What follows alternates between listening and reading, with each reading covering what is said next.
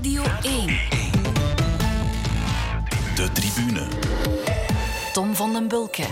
Goedenavond, dit is de Tribune, aflevering 13. 13, jawel, en omdat coureurs nogal gevoelig zijn voor bijgeloof, hebben wij er eentje uitgenodigd. Goedenavond, Laurens de Plus. Goedenavond. En welkom ook aan de wielerman van de radio, Christophe van der Goor. Hey, goedenavond. Het nummer 13, Laurens, uh, is dat een probleem als ze dat op je rug spelden of niet? Gewoon nee, dan draai je dat gewoon om en dan is dat en gelukkig. Dat, dat, gebeurt vaak, hè? Ja, ja. ja.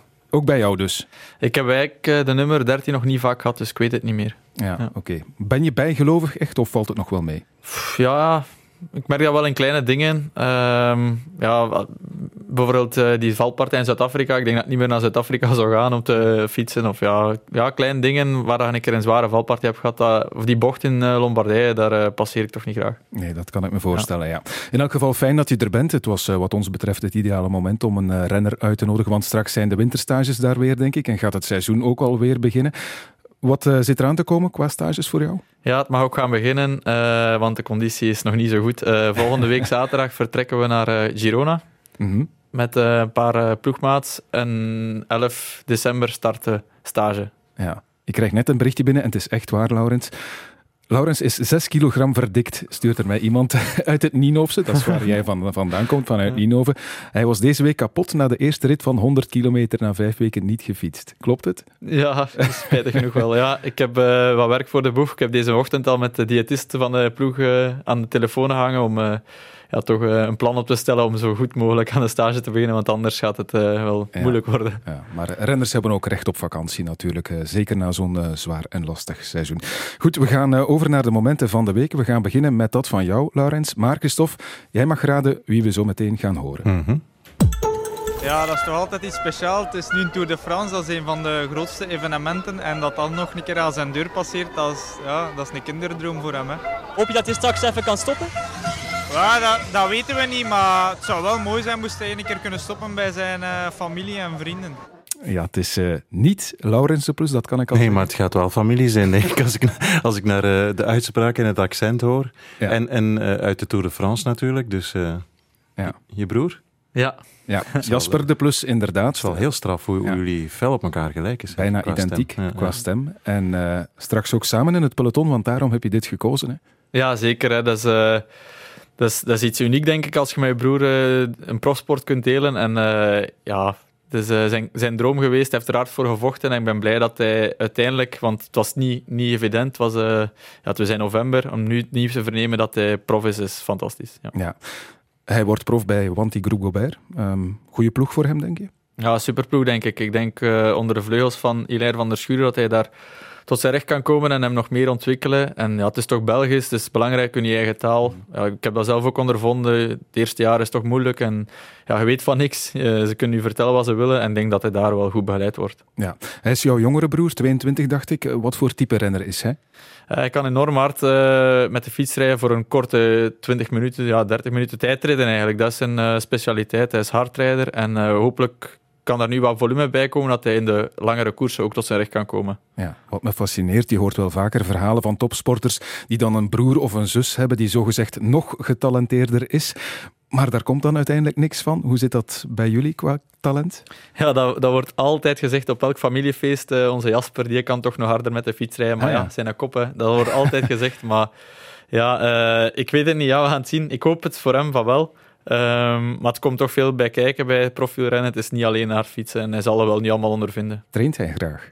Ja, het is, het is wel een speelvogel. Dat is het spijtige dat hem soms een keer uh, ja, vergeet om te trainen. Uh, maar nu het laatste jaar heeft hij hem echt wel uh, toegelegd op de wielersport. Hij heeft het wel nog gecombineerd met mechanicien zijn bij Team Ineos. Dus dat was wel ook voor hem iets dat hem graag deed. Mm-hmm. Maar nee, ja, de laatste maanden heeft hij me recht op toegelegd en heeft zijn vrucht afgeworpen. Ja. Heb, heb, jij dan daar iets aan te zeggen? Dat je zegt, uh, broer, kom aan, uh, je hebt talent, doe er iets mee? Of uh, luistert hij niet naar je? Ja, maar alles wat ik zeg, dat klopt niet en dat is niet juist. Ja, want, ja, de, familie, ja, ja, Geen zaken doen met familie, zegt men wel eens. Ja, ja ik, ik probeer hem wel veel bij te brengen. Nu de laatste tijd pikt hij het wel meer op, maar ja, hij heeft toch zijn eigen wil. En misschien maar goed ook, hè, want ik vertel niet altijd de juiste dingen, maar ja, het zou toch tof zijn moest hij soms een keer van, naar mij wat meer luisteren.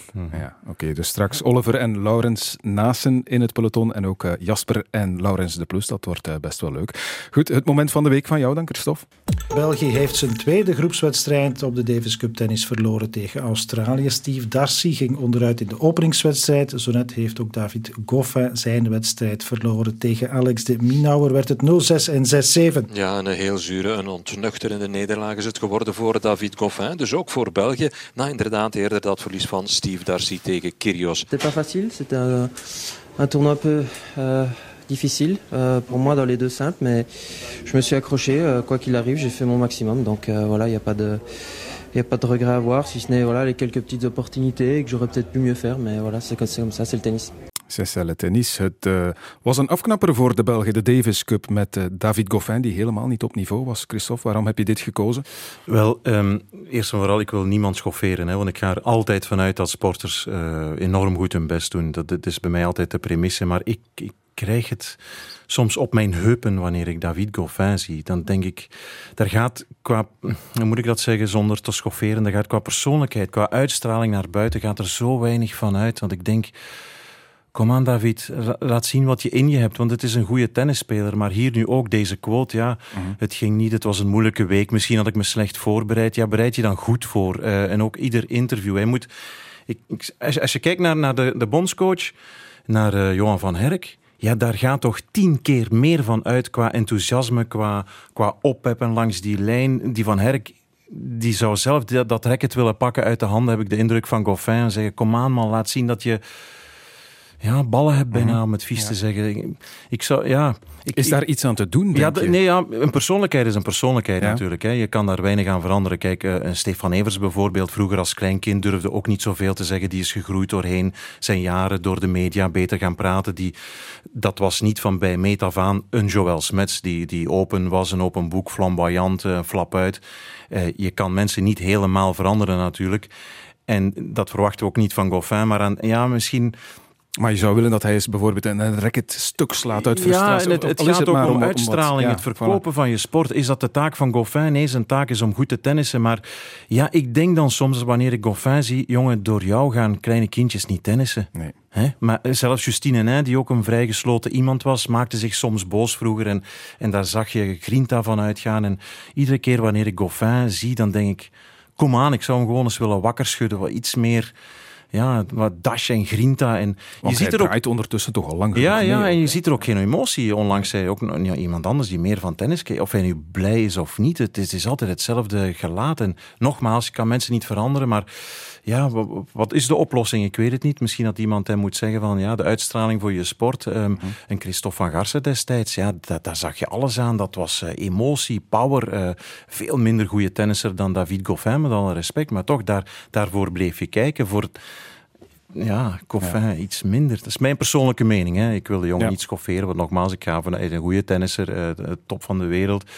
Maar uh, ja, er gaat soms zo weinig, straalt zo weinig van uit. En sport heeft per definitie, niet alleen in de koers en in het voetbal, leeft bij gratie van persoonlijkheden. Want die trekken de jeugd aan, die zorgen dat mensen uh, geenthousiasmeerd worden voor je sport, voor je sponsors. Mhm. Ben jij daarin geëvolueerd, uh, Laurens? Want goed, in de loop der jaren, bij het begin van je carrière, was je misschien ook niet zo mondig als nu. Ja, tuurlijk. Hè. In het begin is dat allemaal raar en uh, vreemd om jezelf uh, bezig te horen. En ja, om vragen te krijgen naar wat dat je ambities zijn, terwijl je zelf nog niet weet wat dat je ambitie is. Dus ja, dat is, dat is iets waar je in, in leert en in groeit. Maar ja, bij sommigen is het inderdaad hun persoonlijkheid dat gewoon iets, iets introverter is. Maar daarom zijn in mijn ogen dan niet altijd minder kampioenen, zoals een Froome. Dan denk je van ja, dat is een saai in zijn interviews. Maar dan op de fiets, dan straalt die gast echt zoveel klassen en, en ja, eigenlijk charisma uit. Hoe dat ook raar klinkt, want dat lijkt misschien niet van buitenaf, maar in het peloton heeft hij echt uh, ja, zijn plaats en het charisma wel verdiend. Ja. Dit ging over tennis, of dit gaat over tennis. Volg jij buiten de koers andere sporten? Ja, absoluut. Voetbal in de, in de winter als ik kan, dan uh, probeer ik wel mijn matchen mee te pikken. Uh, dat is iets van kleins af. In het stadion? Ja, ja zeker.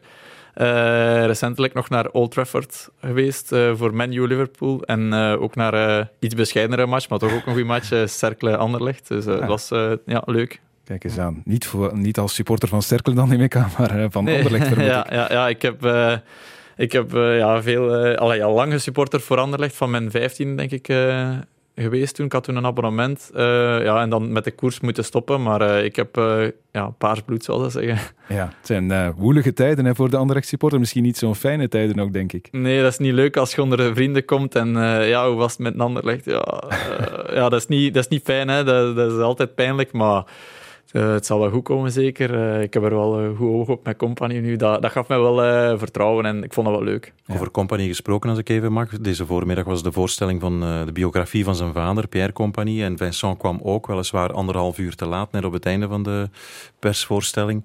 Heel wat voetbaljournalisten aanwezig natuurlijk om ook een vraag te stellen aan Vincent over Anderlecht en wanneer kan je opnieuw shotten. Maar hij was wel zo slim natuurlijk om ja, de familie uh, te begroeten, een kus te geven. Even met zijn vader op de foto en dan was hij weer weg. Dus ja. en kans om een vraag te stellen over uh, Paars-Wit, dat lukte niet zo goed. Ja. Het wordt nog even wachten op mm -hmm. Vincent Compagnie blijkbaar. Ik wil nog één ding weten. Manchester United-Liverpool, hoe was dat? Ja, echt, uh, echt zot eigenlijk. Ik had niet gedacht dat de, dat de sfeer ook zo scherp ging zijn. Of dat het zo, ja... Het is de hate game, denk ja, ik. Ja, ja, ja, daarom ook. Ja, ik dacht eerst dat het om te lachen een beetje was, met die tekens, met hun vingers. Maar dat, ja, dat bleek dan echt, echt waar te zijn. En ook nadien, uh, toen dat, uh, alle paarden buiten stonden met de politie, dan merkte wel dat de sfeer iets grimmiger was. En ja, ik had niet gedacht dat voetbal echt zo ja, intens kon zijn. Ja. Altijd leuk om iemand te horen die een beetje buiten zijn ja, comfortzone gaat. Een mm coureur die dus van voetbal houdt, moet kunnen. Straks toch maar over de koers. De tribune. Radio 1. Ja, een coureur in de studio, dus gaan we over wielrennen praten. Dat spreekt voor zich. We keren nog eens terug naar die straffe ronde van Frankrijk van dit jaar. We gaan toch nog eens terug naar de Tour. Laurens de Plus die blijft volgens mij maar aan kop sleuren van dat groepje met de grote namen. Als hij wegvalt, Christophe en Frank, dan eh, kan het misschien wel beginnen. Hè? Ja, absoluut. Want dan is Kruiswijk alleen natuurlijk. Wat Laurens de Plus aan het doen is, ik moet het toch even aanhalen. Als je renners als, als uh, Richie Poort lost, als, als je Bardet lost, dat zijn wereldcoureurs. Hè. Dat zijn, uh, Bardet was vorig jaar derde in het eindklassement van een Tour. Die wordt hij gewoon uit het wiel gereden van, van Laurens de Plus. Dat is onwaarschijnlijk. Oh, kapot. Al die inspanningen die geleverd zijn, die hoogtestages, het levert wat op. Dat moet deugd doen. Ja, het is eigenlijk... Ik ben zoveel van huis geweest. Ben, en uh, dan uh, ben ik blij dat het uh, gerendeerd heeft. Ja, Christophe, het seizoen dat de man hier naast jou gereden heeft, wat vond je ervan? Ja, hij is boven zichzelf uitgestegen. Hè. Dan heb ik het nog niet over die overwinning in de Bingbank, maar wat hij in de Tour gedaan heeft, uh, zeker die, die laatste bergetap op weg naar Val Thorens, ja, dat was... Uh, du jamais vu, Laurens. Daar, daar heb je heel veel jongens pijn gedaan. En ik denk inclusief jouw kopman, Steven Kruiswijk. Die heeft dat enorm gevoeld. Dus ja, ik denk dat de wereld wel uh, gezien heeft wat de plus kon en dat zijn, uh, zijn prijs ongelooflijk gestegen. Heb je trouwens uh, loonsverhoging gekregen naar de Tour? nee, nee, nee, toch zeker bij de Hollanders. Hè. ja, ja, maar pas op, voor Dumoulin hebben ze goed betaald, dus uh, Hollander. Ja. Nee, dat is echt wel... Um, ja, als je dat... Uh, de plus is weggegaan bij Lefevre en heel veel coureurs worden dan minder, maar hij is, hij is beter geworden. Hè. Mm -hmm. Dat is echt wel stappen vooruitgezet. Ja. ja. Waarom heb je die beslissing inderdaad genomen destijds om te vertrekken bij Lefevre naar team Jumbo-Visma, dat toen zeker nog niet de ploeg was die het nu is? Ja, ik had toen een goed gesprek met Marijn Zeeman, nu de sportief manager. En uh, ja, die overtuigde mij echt van zijn project. Uh, ja, dat jaar begon het wel te beteren. Roglic won Baskeland, hij begon Ro Romandie ook. Dus ja, er zat wel een stijgende lijn in. Maar uh, ja, hij overtuigde mij gewoon met zijn voeding en met zijn wetenschappelijke benadering. En dat was toch dingen die ik ja, soms wat miste, persoonlijk dan. Dat ik echt uh, ja, op en top uh, wetenschappelijk benaderd wil worden. En dat heb ik daar echt gevonden. Ja, dat performance team, dat, dat zit supergoed in elkaar. Die hebben elke maandag meeting om wat kan er beter, wat kan er anders. Dus ja, dat, is echt, dat staat allemaal supergoed op punt.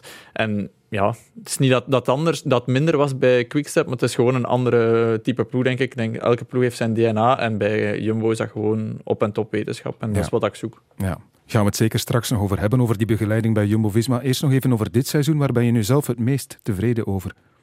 Uh, ja, toch wel de Tour de France, zoals Christophe zegt. Uh, dat was voor mij... Ja, ja, ik had het ook niet verwacht en had er zo voor gewerkt. Uh, zoveel twijfel na die Giro. En dan, uh, ja, dat ik het dan toch kon in die laatste week, die laatste dag, dat, dat, dat deed mij enorm veel plezier. En dan die aankomst op de Champs-Élysées, dat was zo'n ontlading. En dat was mijn mooiste moment van mijn carrière eigenlijk tot nog toe. Gewoon met op de Champs-Élysées aankomen met Kruiswijk op podium. Ja, de, tour, de Tour is uiteraard hoger dan de Binkbank Tour. Maar goed, die rittenkoers win je wel. Hoe belangrijk was dat om eens, om eens te winnen? Ja, heel belangrijk. Ik denk uh, om op te schuiven in de hiërarchie van de ploeg moet je ook wel winnen. En ja, dat was een uitgelezen kans voor mij om daar uh, te scoren. En ik ben blij dat ik die kans met twee handen heb gegrepen. Want ja, de concurrentie, ja, dat is geen concurrentie, maar er is, is, wel ja, enorm veel toppers aanwezig. Dus als je zelf ooit de stap wil zetten, moet je ook wel bewijzen en resultaten halen. Zie jij een winnaar in hem, Christophe?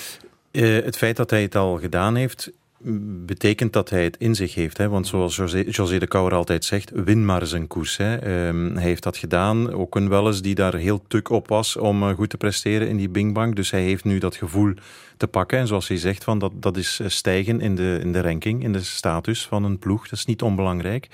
Um, dus ja, en, en dat is vooral ook een smaak naar meer, zin naar meer, denk ik. Hè. Jij gaat niet meer tevreden zijn mochten ze volgend jaar zeggen van Laurens in dienst van die, die, die. Als een planning wordt opgemaakt, zal je ongetwijfeld zeggen, ja, maar waar krijg ik dan mijn kans? Toch? Ja, ja, ik heb wel een voorkeur aangegeven om zelf in een, in een ronde van een week uh, mijn kans te kunnen gaan. Mm -hmm. Maar uh, ja, ik vind het ook wel fantastisch. Allee, om voor een kopman te rijden in een grote ronde en daar een mooi resultaat te nemen, omdat ik zelf weet dat dat nog momenteel nog niet lukt. Um, ik merk wel het verschil op stage na vijf, zes uur, dat Roglic zoveel meer maturiteit en inhoud heeft dan, uh, dan ik zelf. Maar uh, ja, ik heb het aangegeven om, aangegeven om een paar keer voor mijn eigen rekening te rijden. Ik denk wel dat de ploeg daar rekening mee gaat houden en mij dat, die kansen zullen geven, maar in een grote ronde is dat wel nog voor... Ja, uh... ja. Want dat zijn natuurlijk, Tom, als ik even mag, dat zijn de, mm -hmm. de heel slimme coureurs. Hè? Mannen die kunnen inschatten voor zichzelf, wat kan ik en vooral wat kan ik niet. Zou geen schande zijn mocht jij zeggen, ik rij een hele carrière in dienst van Dumoulin straks of van Roglic. Daar kan je ook gigantisch veel geld mee verdienen. Veel jongens vergalopperen zich en denken, ja, maar ik wil ook kopman zijn. En uiteindelijk zakken ze dan richting de kleinere ploegen. Hè. Wat denk je zelf voor jezelf? Ja, het is gewoon een, een ongelooflijke ervaring om in een grote ronde mee te strijden voor de overwinning. En we zijn nu zo'n ploeg geworden dat we niet meer content zijn met de achtste plaats of een negende plaats. Uh, want die vraag is mij gesteld, ja, is het niet leuk om in een Giro top 10, ja, niet dat evident is, maar hè, ervoor te gaan en voor een top 10. Maar onze ploeg is zo goed geworden en zo ja, geëvolueerd dat het enkel nog om de eindwinst gaat. En uh, we gaan niet meer naar een grote ronde gaan voor alleen mannen die top 10 rijden, denk ik. -hmm. We gaan eens luisteren naar een fragmentje dan tijdens de Ronde van Frankrijk. Je hebt toen in dienst gereden van Steven Kruiswijk. José de Kouwer zat hier ook al eens in de tribune, die zei erover dit. Kruiswijk is, alleen hetgeen dat Kruiswijk gedaan heeft in de voorbije ronde van Frankrijk. Mm -hmm. Wat heeft Kruiswijk daar gedaan? Gevolgd. De plus volgen. Mm -hmm. Ik bedoel, ik ga Kruiswijk nu niet uh, nee, nee, maar... in de verdoemenis schrijven, maar Kruiswijk is niet het talent van uh, Roglic en nee. zeker niet van Dumoulin. Mm -hmm. Ja, ik had ook wel het gevoel, moet ik zeggen, tijdens de Tour dat hij op bepaalde momenten wel beter was dan Kruiswijk. Bijvoorbeeld tijdens die laatste of die voorlaatste rit waar Christophe het daar net over had. Goh, dat weet ik niet echt. Uh, Kruiswijk is gewoon zo had ja, je kunnen wegrijden van hem, zoals Froome oh. gedaan heeft in 2012 met Wiggins? Dat kwam echt niet in mij op. Uh, dat, dat deed pijn en ik denk bij iedereen, dus nee. Maar Ste Steven is gewoon zo constant, heel de ronde lang. Die, die heeft geen, geen, geen ene slechte dag. Die heeft wel ook geen echt een dag dat hij, zoals Bernal, iedereen daar aan Vlaarderen rijdt. Maar uh, ja, zijn talent is gewoon zo constant rijden. En hij is gewoon geboren voor de klassementen van drie weken. En ja, ik vind het een fantastische leider om voor te rijden. Veel van geleerd. En uh, ja. beroepsernst tot, tot, tot, en met. Stel, Christophe, de rollen in de Tour waren omgekeerd. Kruiswijk rijdt voor de plus. Wat dan? Of is dat veel te kort door de bocht. Ja, dat is te kort door de bocht ja. nu toch nog. Hè. Maar ik, ik, het is wel een interessante discussie, want ik was bij de, de tourvoorstelling in oktober en uh, ook gesproken met jullie sportief manager, of directeur, of hoe heet dat tegenwoordig allemaal, uh, Marijn Zeeman. Hij liet niet het achterste van zijn tong zien natuurlijk, maar ja, als je Dumoulin binnenhaalt en Roglic heb je, en Kruiswijk heeft nu eigenlijk laten zien dat hij aan het maximale, heel chic hè, maar het maximale van zijn kunnen zit. Um, ja, denk ik niet dat hij nog volgend jaar gaat uitgespeeld worden in de Tour, vermoed ik. Dan zal het voor Dumoulin zijn. Dus um, ja, die vraag stellen is, is uh, ja, inderdaad een beetje kort door de bocht. Wat indien omgekeerd? Maar de Kouwer had daar uh, heel juist, uh, juiste mening over. Je zag gewoon in die rit naar Val Thorens dat het aanklampen was voor ja. Kruiswijk. En chapeau, hè, het maximaal haalbare uit je carrière. Want als je luistert bijvoorbeeld naar de podcast ook van Laurens ten Dam, daar komt Kruiswijk heel vaak in voor, omdat dat zo een ernstig iemand is die niet 100, maar 1000 procent voor zijn vak leeft. Hè. Dus die haalt echt wel het maximale uit zijn talent. En mensen die dat doen, uh, chapeau. We halen er nog wat meningen bij. Waarom niet die van Steven Kruiswijk zelf? Hij antwoordt zo meteen op de vraag of jij, Laurens, kopman moet worden, ja dan nee. En we horen ook nog eens Frank Hosten. Uh, als je dit, dit vermogen hebt en, en zo'n klasse renner bent, dan, uh, dan heb je het zeker in je. Hij zal nog wel moeten leren Eh, misschien wat minder onstuimig te worden en echt moeten leren dat je drie weken lang gefocust moet Ja. zijn. Maar, eh, Wat jij goed kan. ja, heb ik ook moeten leren. Ja. Eh, ik bedoel, eh, het is eh, pas de eerste keer eh, dat ik een podiumplek haal en eh, ik ben ook al 32 en eh Laurens heeft de toekomst. En Inderdaad, dat is, een, dat is iemand die eh, veel geld waard is in, in een ploeg zoals Ineos. Eh, als je dat kan, eh, met, met zo'n tempo rijden bergop, dat ze allemaal a- à blok zitten eigenlijk. Dat is echt een man van goudwaarde. Dat is, eh, ja, dat is de toekomst eigenlijk. Ja, de toekomst. Wat gaat die brengen? Want dat is inderdaad de vraag. Waarvoor kies je? Frank haalt het daar ook aan. Luxeknecht worden, veel geld mee verdienen, ongetwijfeld. Of toch het zelf ook eens proberen als kopman.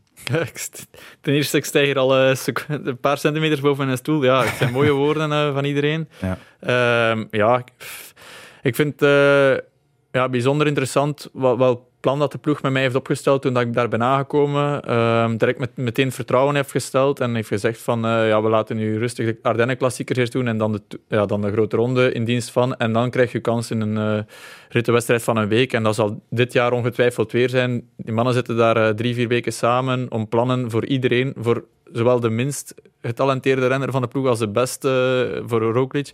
Die mannen zitten daar echt uren samen om een plan te maken dat voor iedereen goed is. En eh, ja, ik ben eh, blij dat ze dat zo doen. Ja, jouw persoonlijke ambities voor grote rondes, dat zal nog niet voor volgend jaar zijn, denk ik. Zeker niet als je ziet wie er allemaal in die ploeg zit. Hè. We hebben al Kruiswijk genoemd, Roglic, maar Tom Dumoulin komt er ook nog bij. Ja, dat is wel wat. Ja, dat gaat vonken geven in de ploegentijdrit. Als je daar Tony Martin en Jos van Linden nog bij zet. Ja, dat is echt... eh ja, voor, Bennett, voor, ja, die ja. een rit gewonnen heeft in de Vuelta. Zoveel jongens die kunnen bergop rijden bij jullie. Ja. Ja, ja, voor ons is het ook eh, schrik als, als, als je de ploeg ziet voor in de grote rondes of eh, de tijdritten. Dat gaat leuk zijn. Maar de concurrentie zal, zal ook wel goed getraind hebben, zeker. Ik weet niet. Hoe gaan die kopmannen allemaal uitgespeeld worden bij jullie? Is daar al duidelijkheid over? Ja, zoals ik net zei, die hebben daar eh, lang over vergaderd en meetings over gehad. En ehm, ik weet dat er nu plannen op tafel liggen, eh, waar ik niet kan over zeggen natuurlijk. Maar we, we gaan nu naar eh, Girona allemaal en daar een beetje verder over, eh, over discussiëren. En dan op 20 december, tijdens onze ploegpresentatie, wordt alles uit de doeken gedaan. Ah, ja, oké. Durf jij zelf een rangorde op te stellen van wie van die drie, zal ik nu maar noemen, op één staat, op twee, op drie? Goh, ja, Roglic was vorig jaar de nummer 1 van de wereld en heeft de Vuelta recentelijk gewonnen. Dus Ja, ik weet niet, ik denk dat dat echt eh, bijzondere prestaties zijn. En eh, ja, ik denk dat hij wel eh, misschien wel de leider van de ploeg wordt. Maar ja, er zijn koersen genoeg, zal ik zeggen. En eh, de ambitie is om alle grote rondes mee te doen voor de verwinning. En, eh, iedereen van die drie kan een grote ronde winnen, daar ben ik zeker van. Eh, Steven was er vorig jaar ook dichtbij. Dumoulin zal wel niet komen om tweede viool te spelen. Nee, nee, is dat. Is een bijzonder interessante discussie wat ze daar moeten doen. Kijk, je haalt Dumoulin binnen als de grote Nederlandse rondehoop die dat gedaan heeft in de Giro. Dit jaar mislukt in de Giro door omstandigheden ehm, voor heel veel geld. Die ga je dan niet meteen naar de Vuelta sturen, denk ik. De Tour heeft bijzonder weinig, maar één tijdrit natuurlijk. Weinig tijdritkilometers. Maar een Dumoulin, zijn volgende doel moet zijn de Tour winnen. Daar zijn we toch zeker van. Ehm, dus ja, wat doe je dan met een Kruiswijk? Die schuif je naar Giro of Vuelta, vermoed ik. En een Roglic heeft eh, Vuelta al gewonnen, kan daar niet nog eens iets gaan zoeken. Dus moet nu aan de bak in de Tour. Dan zit je met twee hanen op één stok natuurlijk. Tenzij men zou verrassen, dat zou ik een verrassing vinden. En Dumoulin toch weer naar de Giro gaan, eh, gaan sturen. Oké, dat komen we binnenkort dan wel te weten. Er is nog iets anders natuurlijk naast die drie grote rondes. De Olympische Spelen in Tokio. Laurens, jij was erbij vier jaar geleden, of bijna vier jaar geleden in Rio. Je wil er nu weer naartoe, denk ik. Ja, toen eh, herinnert zich iedereen nog mijn tranen. En ik hoop dat ze de volgende keer mijn, mijn benen een keer herinneren. Want eh, ik word Ja. er veel aan herinnerd. En eh, ja, dat was ik nog heel jong, uh, neoprof. En eh, ja, was super blij voor Greg en stond ik te blijten aan de meet. Ja, ja. Nu Tokio, ja, je wil geselecteerd worden, maar dat weet je nog niet op dit moment natuurlijk.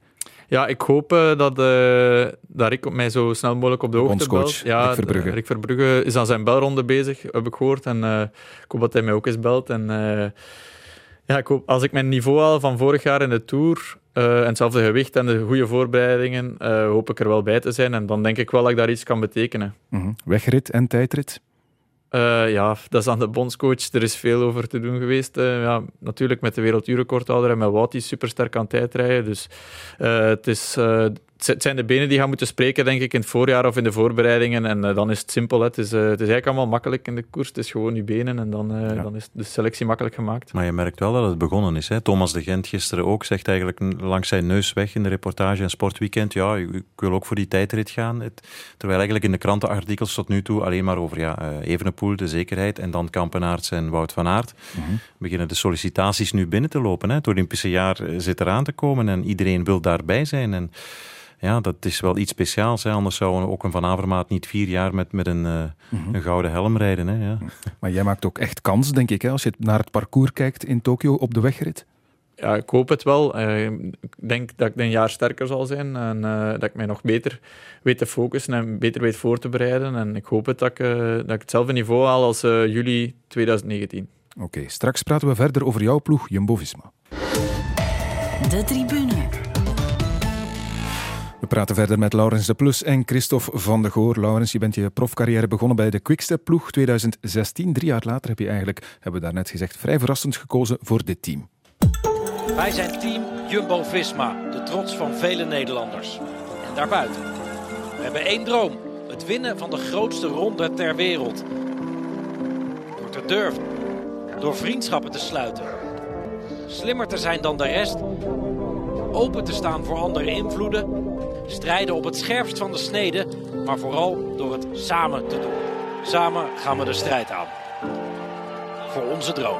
Jumbo-Visma het eindpodium in de drie grote rondes, winst in de Vuelta, vier ritten in de Tour en nog 46 andere UCI-zeges, als we goed geteld hebben voor Jumbo-Visma in 2019. Is dit de ploeg van het jaar, Christophe, voor jou? Ja, zeker. Samen met de ploeg Lefevre uiteraard. Ja. Hè. En, en ja. vooral ja, de, de, de opgang, uh, enkele jaren geleden, nog niet zo lang geleden, het kneusje eigenlijk, waar iedereen mee lachte. De tijd van Belkin, toen ze die Amerikaanse hoofdsponsor even hadden. Uh, de tijd van Stefan Marke, het zoeken naar sponsors. Och, Garme, er werd toch wel een beetje meewarig meegedaan. En nu wordt er, hoor ik achter de schermen, ja, druk gesolliciteerd ook om, om erbij te horen. Dus ja, het is uh, in korte tijd heel snel gegaan met, met dat. Is daar een verklaring voor? Hoe komt dat? Ja, dat is een goede vraag natuurlijk. Uh, aan de ene kant hebben zij toch wel die trein ook van de, de wetenschap genomen, laat ik me vertellen. Mm -hmm. um, Marijn Zeeman, een aantal goede ploegleiders is erbij gekomen. Nu, Nico Verhoeven zat er al wel heel lang bij natuurlijk. Maar soms is dat, ja ik denk dat het mentale, spreek mij tegen Laurens, dat het mentale ook ergens een, een rol speelt. Met de ontbolstering van een Roglic bijvoorbeeld, waar een heel team zich aan optrekt. Net zoals bij Lefevre, want dan kan wel lachelig, lacherig worden gedaan over de Wolfpack. Maar ja, ergens speelt dat wel tussen de oren. Dus... Uh, misschien dat dat een, een ding is. Ze gaan ook wetenschappelijk om, zijn ook in de Tour ervoor uitgekomen. wij, wij nemen ook ketonen, hè, wat ook uh, een verklaring is. Ik zeg niet de enige, maar één van de, een, een puzzelstuk. Dus uh, het zal zoals met alles een... een, een uh, dat mentale, som zijn. Laurens, want je hebt ze allebei meegemaakt. Hè? Je hebt ook hm. bij de Wolfpack ja. gezeten. Ja. ja, nee, 100 procent. Dat, is een, dat is sowieso een optelsom van uh, verschillende dingen. Uh, maar groepsgevoel en vechten voor uw leider uh, hoort daar zeker bij.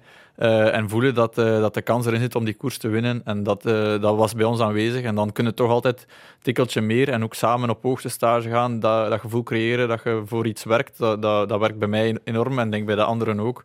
En ook ja, de wetenschappelijke dingen, zoals dat ook zegt, voedingsplan, supplementen die allemaal goed zijn. Alles eigenlijk wordt, wordt erover gedacht en uh, wordt erover, ja, wordt erover uh, gecommuniceerd. Ja, die voeding, dat is wel iets wat we gezien hebben tijdens de Tour natuurlijk. We zagen iedereen toen in de weer met die app. Uh, tot op de gram de komma zelfs na de gram uh, afwegen wat ze aan het eten waren. Was jij er ook zo nauwgezet mee bezig? Ja, want uh, ik ga er nu ook weer mee beginnen. Ja. Uh, ik heb vanmorgen getelefoneerd om te, het weer te installeren en om een plan op te stellen. zoals nu gaan er dan elke dag 500 calorieën geskipt worden. En dan zou dat tot gewichtsverlies moeten leiden. En dat was in de Tour ook een systeem dat heel goed werkte. En ook in de andere wedstrijden. je hoeft niet meer na te denken als sporter. Je schept gewoon... Ja, je moet natuurlijk je bord afwegen. Dat is het enige dat je nog moet doen. Maar voor de rest is het super Maar doe je dat echt tot op de gram? Ja, ja, ik wel toch. Ja. En ook in de Tour. Het zou, het zou stom zijn om dan uh, ja, drie weken in Tenerife te zitten en dan uh, ja, te eten wat je, wat je wilt. Uh, tuurlijk, mentaal is het niet makkelijk, maar als heel de groep het doet, dan is het eigenlijk wel iets dat... Ja, dat ja, als Tony Martin zijn, zijn bord afweegt, dan is het voor iedereen wel de moeite. Ja. Ze hebben natuurlijk ook wel... het was van moetes, hè, Tom. In, in die zin dat ze financieel, ik zal niet zeggen aan de grond zaten, maar wel met de rug tegen de muur. En dan is er wel een plan gemaakt binnen het team, met een aantal mensen die daar al lang werkten, van wat gaan we doen? Uh, kijken naar een, een toekomstplan. Uh, heel rustig daar de eerste jaren mee omgegaan met jonge talenten. En uh, plots pakt dat dan. Dus het was eigenlijk ook ja, een beetje met de rug tegen de muur staan en, en niet te snel van stapel lopen, maar met een bepaald doel. Mhm. Klopt het trouwens dat je tijdens je stage voor de Tour, Alpenstage, dat je daar je eigen kok mee kreeg? Ja, ik had uh, wat problemen met mijn gewicht toen. Door de, door de ziekte in de Giro ja, kon ik niet echt op gewicht blijven. En uh, ben ik meegegaan op Sierra Nevada met de ploeg, de tourploeg toen. En uh, bleek dat ik toch nog enkele kilo's te zwaar stond. En dan zijn we naar een volgende stage doorgereisd om nog enkele ritten te verkennen. En dan heeft de ploeg uh, een extra kok meegestuurd. En dan ben ik toch uh, nog op gewicht gekomen vlak voor de start in Brussel. Ja, daar was dan nog geld voor, gelukkig. Want ik las inderdaad ook dat Jumbo-Visma dit jaar nog, toch nog het op één na laagste budget had van alle World Tour ploegen. Dat is wel opmerkelijk eigenlijk, als je ziet welke renners daar ook rijden. Tenzij ze heel slecht betalen natuurlijk, Laurens. Dat, dat kan je ja, vertellen. Ja, Um, Hoe het vandaag is, weet ik niet. Maar Rabobank destijds uh, betaalde gewoon het beste van iedereen. Hè. Dat was algemeen geweten. Bij Rabobank uh, hebben ook de Belgen die daar reden gigantisch veel geld kunnen verdienen. Dat waren lonen. Ik herinner mij een verhaal van Mark Sergeant die ooit gepolst heeft bij Laurens Stendam toen hij nog absoluut niet bekend was om naar Lotto te komen. Dat was onhaalbaar. Ik spreek over 10, 12 jaar geleden. Hoe dat vandaag de dag is... Uh, ik denk dat ze vooral slim, de vraag van uh, eh, 1 miljoen. Ja, ja. oké. ja. Oh, dat, is, leuk. Daar moeten wij veel voor doen, hè, Tom. nee, Samen. Ja. Uh, nee, maar uh, ik denk dat ze vooral slim hun budget besteden op de goede manier en de dingen dat zeker werken. En ja chapeau hoe dat, uh, hoe dat de ploeg het uh, voor elkaar heeft gebracht. Mm. Echt waar. Begeleiding inderdaad top, zo te horen. En Christophe gaf het al aan. Misschien ook een stukje van die puzzel. De ketonen, hè. dit seizoen toch veel besproken. Het is geen doping, wel een supplement eentje dat goed werkt blijkbaar volgens een onderzoek van professor Peter Hespel. Het onderzoek dat we gedaan hebben kun je eigenlijk een beetje omschrijven als een soort van gesimuleerde Ronde van Frankrijk waar we goed getrainde studenten lichamelijke opvoeding drie weken aan een stuk eigenlijk tot op de knieën getraind hebben, dat ze helemaal leeg waren, met en zonder ketonen. En dan bleek dat naar het einde van die drie weken de groep die ketonen gekregen had, gemiddeld gezien ongeveer 15% beter presteerde in uithoudingsprestatie dan de groep die een placebo, een nepmiddel gekregen had. Ja, daar kunnen we wel een paar eh, vragen over stellen, denk ik. Ten eerste, ja, jouw ploeg Jumbo-Visma heeft er nooit een geheim van gemaakt dat de ketonen gebruikt werden als tijdens de Tour. Waren zij een van de eerste om dat uh, inderdaad te zeggen? Er is ook niks verkeerds mee. Ben jij een van de renners binnen de ploeg die ketonen gebruikt? Ja, ik gebruik het en ik ben er ook best tevreden over. Uh, maar zoals al gezegd, is eigenlijk gewoon deel van mijn voedingsplan. En uh, daar hoort ook uh, bietensap bij en energiecells en bicarbonaat en ja, nog veel andere dingen. En ja, vind, ik vind goed dat er geen, ja, geen um, hysterie ja, voilà, over gedaan wordt. Dat het gewoon transparant is en dat het aantoont dat ja, iedereen kan het ook gewoon kopen. Het is gewoon de manier waarop, dat is nog een beetje voor iedereen. Ja, er werd inderdaad over gesproken dat het, dat het vrij duur is. Moet je dat als renner zelf betalen of doet de ploeg dat voor jou?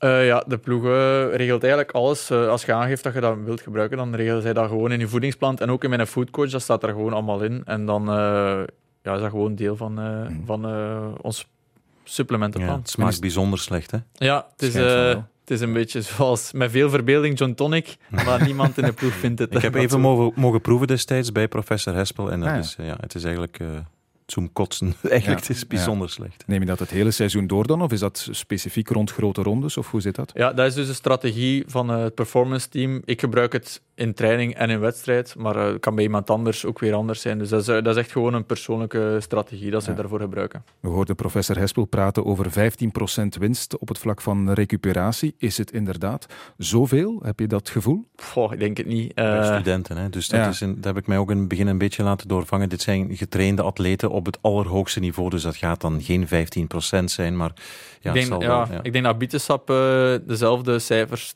vertoont. Of ja. ja, maar dan moest je daar wel uh, drie hectoliter voor drinken natuurlijk. Ja, nu zijn dat ook allemaal al gedoseerde ja, okay, ja, dus, uh, nee, dat, ja, het is, het is... En niet iedereen binnen de ploeg gebruikt het blijkbaar? Nee, nee, nee zeker en vast niet. Ja. Het is, uh, je moet afwegen maken of dat je voelt dat het voor u werkt. En ja ik uh, voel er mij goed bij, dus waarom niet? Hè? Ja, absoluut. En het is ook een kwestie van wanneer juist gebruiken, want daar is Mhm. ook niet uh, bij iedere ploeg de juiste wetenschappelijke kennis.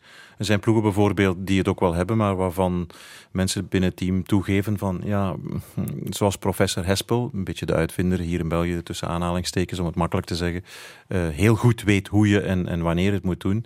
Zo hebben niet alle ploegen dezelfde kennis, dus ook daar is wel een, een voorsprong. Bedoel je dan op het moment? Ja, wanneer bijvoorbeeld. Is, inderdaad, na, ja, ja. dat soort dingen. Voilà, dat soort ja. dingen, inderdaad. Ja. Bijvoorbeeld, hij zei heel duidelijk, de mannen van Quickstep, uh, uh, die, die nemen het al bijvoorbeeld tijdens de ronde van Valencia, omdat je dan langer kan, gewoon in het voorjaar, hè, omdat je je lichaam verder kan pushen, sneller recupereert, meer trainingsarbeid en volume aan kan. En zo is dat eigenlijk een stepping stone en gaat het altijd maar voort. Mm. Dus het is niet zo van, we gaan, het is morgen ronde van Vlaanderen en op vrijdag gaan we even ketonen nemen. Zo werkt het niet. Nee. Blijkbaar niet, nee. nee. Die begeleiding, dat is mentaal ook wel vrij veel eisend, denk ik. Zeker als het gaat over die voeding enzovoort. Het gaat niet te ver, vind je?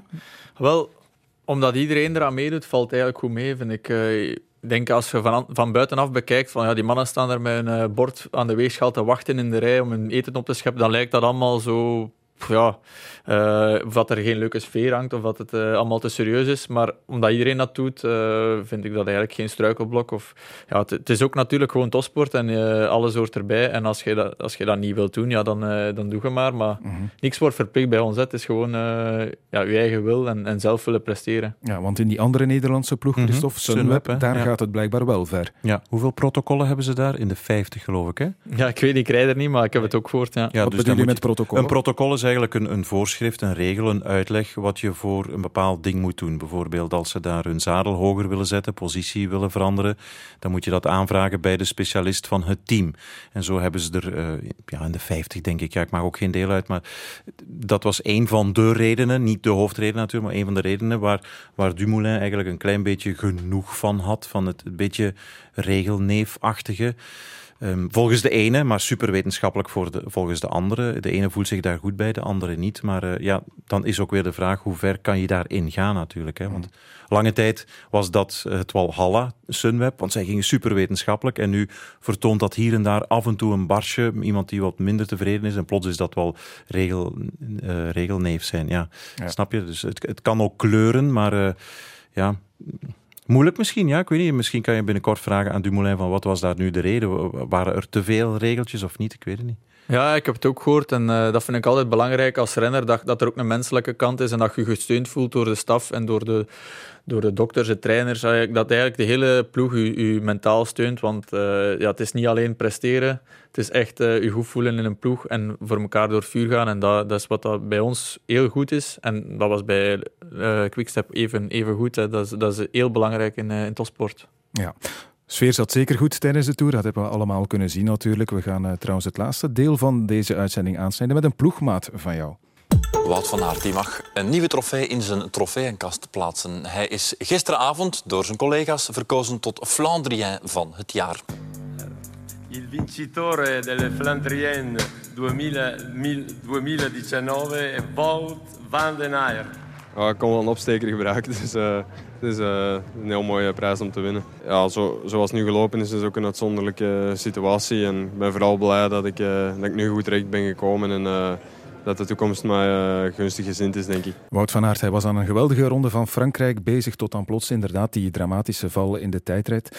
Jij was erbij, het moet een klap geweest zijn, denk ik. Ja, ik was net aan mijn tijdrit bezig en in diezelfde bocht lag Schachman daar voor mij. Ik dacht al van, die hekken staan hier zo vreemd. Uh, allee, wat is er gebeurd? En dan kwam ik over een meet, maar niemand uh, zei mij eigenlijk iets, dus ik wist het niet. Ik ging terug naar de bus en toen zeiden ze van, ja, Wout is gevallen. Uh, ik zei, ja, ja, maar alles oké. Okay. Ja, nee, nee, hij is, hij is, wel naar het ziekenhuis. Dus dat was echt... ja, Steven zat toen net met zijn muziek in en, en aan zijn opwarming bezig. Dat was echt ja, een drama voor de ploeg, omdat hij zo'n belangrijke factor is in de ploeg. Hij, hij brengt rust. Als er iets gebeurt op vlakken, dan brengt hij u direct naar voren. En, ja, ook in, in de bergen is hij, is hij zo sterk dat hij ja, een soort van uh, rust geeft in de ploeg. Mm-hmm. Ik weet niet, lag jij met hem op de kamer ook of, of niet? Hij lag bij Kruiswijk. Uh, dus ja, voor hem was dat echt uh, ja, een, moeilijke, een moeilijke dag in de Tour. En hij heeft, ja, dan heeft hij s'avonds uh, een kleine speech gehouden en heeft gezegd van mannen, we moeten wel door. We zijn hier niet voor niks naar de Tour gekomen. Het is goed gegaan, maar laat het nu verder blijven goed gaan. Ehm, maar ja, de, we wisten meteen dat het ernstig was en dat er hem een lange revalidatie te wachten stond. Ehm, nu gaat het wel allemaal goed. Heb je hem nog gehoord ondertussen? Ja, ja we hebben veel... eh, Ja? eh, ja, ja, ja. ehm, va- vaak over het gewicht elkaar een beetje plagen.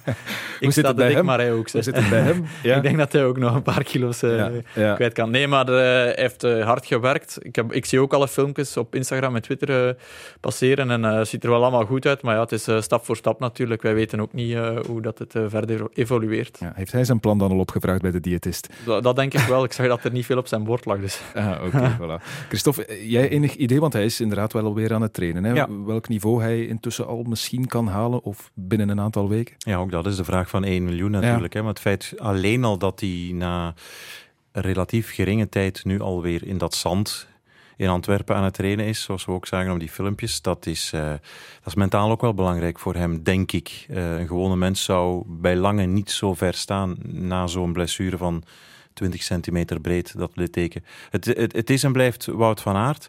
Hij heeft gezegd tot nu toe, en daar houdt hij zich aan, ik wil nog wel een cross, een aantal crossen rijden dit seizoen, maar is dat eh, eind januari, begin januari, is dat in februari nog? Dat weet alleen hij, denk ik. Eh, maar hij zal ook wel zo slim en slugger- snugger zijn om, om zich te focussen op het voorjaar. Want dat halen op niveau, dat zou op zich al een enorme overwinning eh, zijn, denk ik. Ja. Hij had ook wel heel snel zijn plaats gevonden in die ploeg van jullie. hè?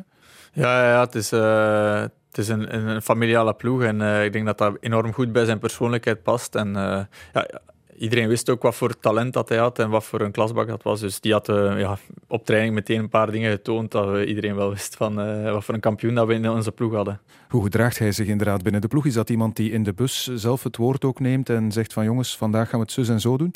Ja, hij heeft een heel, positieve inbreng, vooral bij de ploegentijdritten en bij de tijdritten waar het parcours kan uh, afges... Waar het er nog tijdswinst kan uh, gemaakt worden in bochten en, en op ja, bepaalde afwisselpunten dat hij beter ziet dan, uh, dan iemand anders. Of ja, hij heeft, heeft enorme inbreng, tactisch ook. In, in verband met die wires toen had hij ook aangegeven van hier is een belangrijk punt en was hij en Stevie toch wel mee. Ja.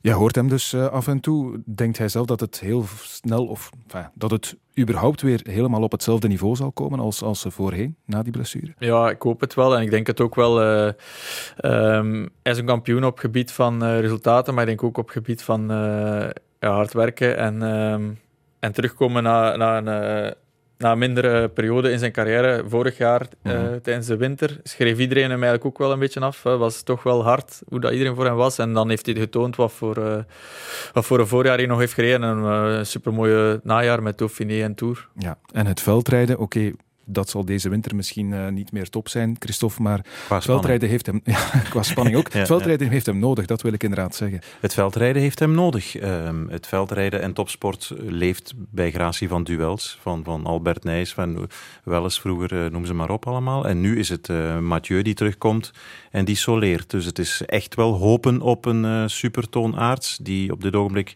zijn supervorm nog niet gevonden heeft, op een Iserbiet die uh, zijn kans gegrepen heeft toen Mathieu er niet was, maar nu ook wel uh, tegen zijn limieten aanloopt wat betreft de Nederlander. Dus uh, ja, nee, ze hebben hem nodig qua, qua spankracht. Ook al heeft hij uh, in, in andere seizoenen, vorig jaar, heeft hij ook uh, natuurlijk Van der Poel niet vaak kunnen verslaan natuurlijk. Hè. Maar uh, het duel was altijd wel spannend. Op een tiental, achttal, twaalftal seconden van elkaar. Gewoon die twee op het scherp van de snee. En eigenlijk heeft mij dat ook als wielerverslaggever, sportliefhebber, doen beseffen hoe hoog die twee heren de sport wel het niveau gelegd hebben. Want je denkt dan, ze zijn aan het crossen, maar dan wat die op de weg hebben laten zien, mm-hmm. daaruit kan je pas concluderen hoe hoog het niveau in het veld was. En dat bijvoorbeeld jongens zoals een Kevin Powers destijds gezegd hebben, sorry, wij kunnen hier niks meer halen, want zelfs na Sven Nijs hebben die twee heren het niveau zo hoog gebracht in de cross, dat dat bijna onvoorstelbaar is. Ja.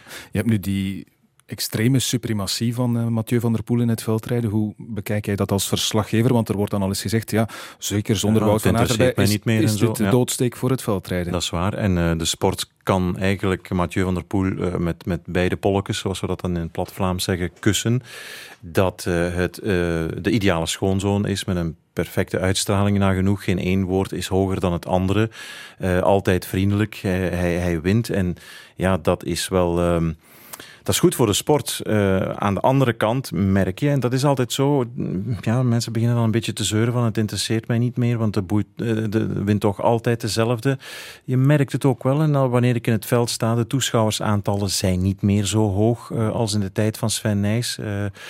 Dus ja, men eh, moet toch wel hopen, wanneer de twee heren definitief naar, het, naar de weg zouden gaan, dat er twee andere echt grote persoonlijkheden, boegbeelden kunnen, kunnen opstaan. Ja, hoe kijk jij daar naar, Laurens, naar uh, iemand als daar de renner dan uh, Mathieu van der Poel? Ja, met enorm veel respect. Ik heb er uh, heel mijn jeugdcategorie tegen gefietst. We zijn van hetzelfde jaar en ook toen al was, was hij de beste en reed hij gewoon peloton ja, hij degradeerde het peloton. Ik weet nog in Firenze op het WK. Uh, daar uh, daar heeft hij op de berg even, even snel opgereden als Joaquin Rodriguez, ja, Valverde en, en Rui Costa. Ja, dat, was echt als waanzin. junior, hè? Ja, dat was echt waanzin. En hij heeft die lijn altijd maar doorgetrokken. En ook, ook binnen de ploeg. Wist wat er ging gebeuren als hij naar de weg kwam. Ja, eigenlijk wel. Als je, als je hem zo zag presteren bij de jeugd, uh, dan wist je wel dat hij een hele grote ging worden. Uh, maar ook, ik zei het, ook binnen de ploeg uh, wordt er wel echt over gepraat wat dat hij allemaal al gewonnen heeft en wat dat er nog zit aan te komen. Dat is echt enorm, enorm indrukwekkend. Die achtervolging in de Ronde van Vlaanderen na zijn pech op die Quaremont, dat is, dat, ja, ik vind dat nog het strafste. Wat hij, nog straffer dan de Amstel. En toen ben ik van mijn stoel gevallen. Maar, maar de snelheid waarmee hij daar terugkeert in die, die achtervolging. Ja. Paul Herreigers, die daar meer motaar was, vertelt het iedere week, omdat hij het nog altijd niet kan geloven wat daar gebeurd is. Moet hij een keertje mee naar de Tour, denk je, Laurens? Uh, ik denk dat het wel zal kriebelen, nu dat hij gezien heeft dat Wout gewonnen heeft. dus ja, hij heeft ook verteld. Ook, ja, ja. Ja. Man voor de groene trui, hè. we ritten binnen. Ja. Over de Tour gesproken, nog één ding waar ik net aan denk. Ga je die wel rijden als je naar uh, Tokio wil? Want de Tokio, de Spelen dus, komt heel snel na de Tour. Uh, ik weet het plan nog niet wat, uh, nee. van de ploeg, maar... Uh, denk je, dat, denk, denk je dat dat een goede combinatie ja, kan ik denk het wel. Ik denk het wel, omdat je je dan zo hebt voorbereid op die Tour. En ook in mijn geval is het toch wel anders. Ik ga niet elke dag mij moeten uit de haak trekken. Ik kan ja. mijn dagen uitpikken om, om ja, de leider, wie dat ook mag worden uh, zo goed mogelijk in de finale te brengen. Dus als, als luxe helper of hulper uh, is het toch wel anders, denk ik. Okay. Ja, maar het gaat zwaar zijn, heb je gelijk in. Op zondag de ja. Tour gedaan, op dinsdag gaan ze moeten vertrekken, want op zaterdag is het al koers met een jetlag. Uh, dus ja, het wordt wel... Maar ja, dat geldt voor alle toppers. Hè. Het wordt stevig. En dan tussendoor ook nog eens proberen te scoren in een rittenkoers van uh, een week. Wat, dat, wat je wil doen. Heb je er al eentje in gedachten? Uh, ja, de Bing Bang. Hè. Ja, die, die heb je al. Ja, nee, inderdaad. Nee, maar uh, zo ronde genre UAE-tour zie ik wel ja. zitten. Dat zou mij Was je ook goed hè, dit ja, jaar? Daarom. Ik heb daar goede herinneringen aan en daar op vakantie geweest. Okay. Dus, we zitten al in de laatste minuut van deze aflevering van de Tribune. Traditioneel vragen we dan uh, waar jullie nog naar uitkijken deze week. Ik ga met jou beginnen, Christophe. Uh, een uh, mountainbike-tochtje langs de Demer in Scherpenheuvel-Zichem, want het is een drukke periode geweest. En woensdagmiddag skaten met mijn twee zonen, want dat is opnieuw hype. En ik heb dat vroeger ja. gedaan en ik heb opnieuw de smaak te pakken. Skateboarden wordt ja. olympisch, hè, volgend ja, jaar. Ja, absoluut. Ja, zeker wel. Een ollie. Hè? Een ollie. Eerste Doen. beweging. koffers pakken, zaterdag vertrekken richting Girona. Oh, de eerste stage komt er dus al aan. Ja, ja. voor tijd. En worden dat stevige trainingen? Ja. Meteen de pace erop? Ja, het zal moeten. Oké, okay, ja. goed. We zullen zien of we dan ook weer berichtjes binnenkrijgen van toevallige passanten die jou daar aan het werk zien en uh, of dat die kilootjes er maar snel afgaan. Ik denk het wel. Je ziet er inderdaad uh, toch scherp uit, hoor. Maak je vooral niet te veel zorgen, Laurens de Plus. Hartelijk dank om erbij te zijn. Hartelijk dank ook Christophe van de Goor. Fijne avond nog. Dank u.